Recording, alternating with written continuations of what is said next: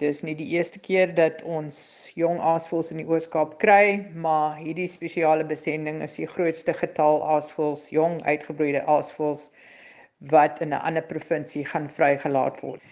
En toe hulle aankom, ehm um, ja, toe het dit nogal baie kwaai gereën.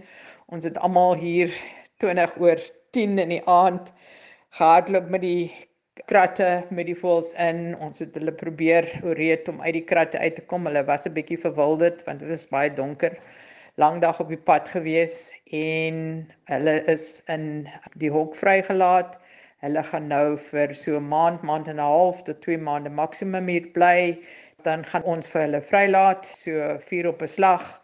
Die verlede jaar ook dit gedoen. Ek het 'n klompie van 4 gekry oorspronklik en toe nog 10 en ons het hulle vrygelaat en ons het nou hierdie jaar die hele proses weer oorgedoen en ons gaan kyk so in 'n maand se tyd gaan ons kyk om die eerstes vry te laat. Ja, maar van daai eerstes wat jy vrygelaat het, het hulle nie toe begin plakkers word nie, sommer gaan sit op die hok.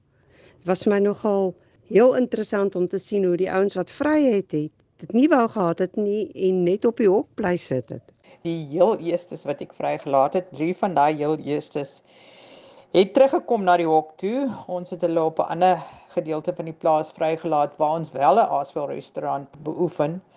En toe kom sit hulle op die dak saam met die ander wat binne in die hok was. Hulle daar rustig gesit en ons het besluit ons sal vir hulle daar ook kos moet gee. So ons het 'n tweede restaurant oopgemaak vir hulle En dit het eintlik die wilde voëls ook aangelok op die ou end om nader aan die groot hok te kom. So daai interaksie was eintlik baie goed want toe die plakkers stadig gaan beginne wegbeweeg met die wilde voëls.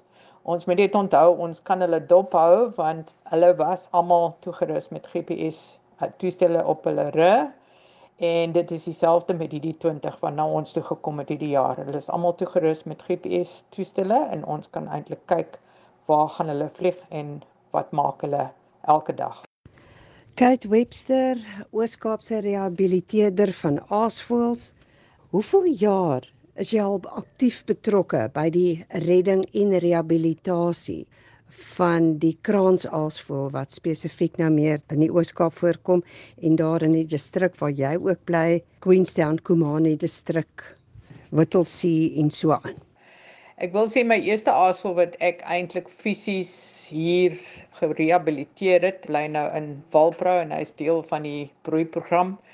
Het ek in 2004 gekry. So ons praat van seker 18 jaar wat ek fisies betrokke was by aasvoëls en aasvoëls gaan haal en aasvoëls probeer rehabiliteer en as hulle nie kan gerehabiliteer word dan word hulle mos op die ouend na Walpro toe gestuur.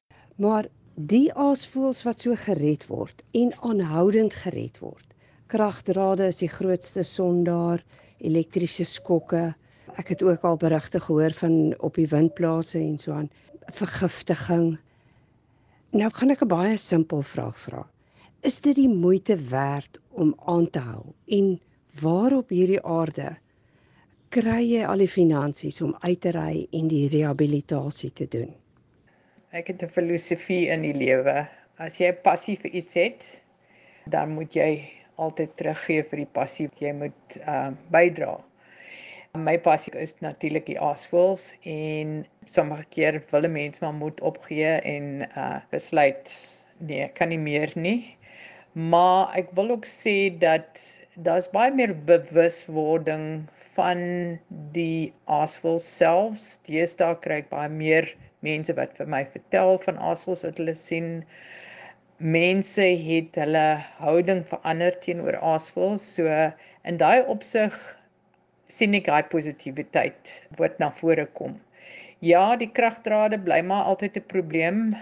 Maar ek dink die groot ding is ek dink ons het vroeër baie meer asels verloor as wat ons besef het want niemand het geweet wie te nader vir hulp. Niemand was eintlik op die uitkyk vir hulle. En wat vir my baie lekker is, ek is in die boerdery gemeenskap. Ja, ek boer self eintlik nie ek self, my kinders is die sterk boerder, mense wat boer. Ek is meer die administratiewe gedeelte van daai boerdery. Maar die feit is dat in die boerderygemeenskap praat hulle baie maklik met my. Hulle kontak my maklik. Ek verstaan vir hulle want ek is in dieselfde bedryf as hulle. So dit is baie baie belangrik want dit help ook baie. En ek wil ook sê baie van die boere is baie besorgd oor die aasvoëls wat wonderlik is. En ons moet onthou hulle speel 'n baie baie belangrike rol in die hele siklus. So as ons hulle gaan verwyder of as ons hulle verloor op die ou end, gaan ons 'n groot indompeling hê van probleme in die omgewing. Ek weet sommige keer moet mense maar wonder of jy kan aangaan en moet aangaan. Maar ek wil ook sê dat ek is baie baie gelukkig dat ek is ondersteun deur Walpro. Hulle help my 'n bietjie finansiëel ook en ehm um, daai verstaan van hoe Aswels dink werk en wat hulle doen en die passie wat ook van Walpro oorgedra word aan my help nog steeds. Kyk jy het nou 'n interessante ding genoem hoe 'n aasvoël dink en dan lyk ook seker af hoe sy vliegpatrone en dis meer werk. Ek kan nie jou eintlik vir jou sê hoe dink 'n aasvoël, maar kyk, hulle prioriteit is om kos te kry en op die ou end as hulle 5, 6 jaar oud is, dan om verder te kan broei, 'n veilige kraans te vind. Ek praat nou veral van die kraans aasvoëls, 'n maatjie te vind wat hy of sy kan saambroei. Maar Ek dink vir hulle die belangrikste is die feit dat hulle kos kan kry, dat hulle wel vry kan vlieg en dat hulle wel die lugstrome kan gebruik want hulle liggaam is redelik swaar om op te styg aan die lug in. Hulle prioriteit is natuurlik kos, broeiplek en eintlik 'n plek waar hulle kan mooi sit om die wêreld uit te kyk van bo af. Hulle hou mos van hoogtes. So dis hoekom hulle baie maklik op 'n kragdraad of of baie groot staal kragstrukture gaan sit want hulle kan lekker van bo af uitkyk en die wêreld sien. Hulle praat ook met mekaar. Dit glo ek definitief. Hulle GPS en hulle breine is ook baie baie goed. Hulle weet presies waar hulle gaan. Hulle weet presies waar die ander voëls is. 'n Baie intelligente voël.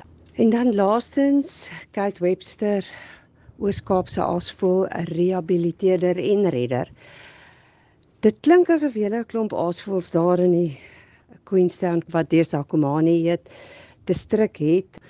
Maar vir mense soos ek wat hulle in aksie wil sien, waarheen gaan ons? Is daar 'n aasvoël toerisme roete of moet ons maar net ons stoele uittrek en op jou plaas gaan sit en kyk hoe hulle daar wegvlieg van die hok of by die aasvoël restaurante besoek? Jy laat my nou so lag. Nee, ek dink meeste van die mense wat aasvoëls gaan soek, hulle moet maar in die berge in die Noord-Oos-Kaap gaan loop. Daar is 'n plek eh, spesifiek op een plaas naby Lady Grey. Daar's 'n kraans daar op die Karmelkspruit wat 'n mens eintlik kan besigtig. Maar ja, mense moet basies jou oopmaak as jy in die Noord-Oos-Kaap of noordelike gedeeltes van die Oos-Kaap rond ry, dan kan 'n mens net jou oë oop hou en kyk op 'n mooi blou ligdag. Die kans is redelik sterk dat jy 'n swerm aasvoël sal sien rond beweeg. Mense moet maar net baie meer oplet. Um daar is nie 'n aasvoëlroete op hierdie stadium, maar ek weet jy kan Barkley Oos Roads, daai gedeeltes is jy definitief jy kan definitief asoos daar sien op 'n daaglikse basis. En soos ek sê daar is 'n boer in Lady Grace area wat wel die publiek toelaat om na die kraanse by Karringmelk te kom kyk. Maar jy's welkom om 'n broekkoot te kom plak met jou stoel. Jy moet net die grondpad kan hanteer voor jy by die plaas uitkom. Maar verder is jy baie baie welkom om aasvoëls hier te kom loer as hulle wel die dag hier omvlieg.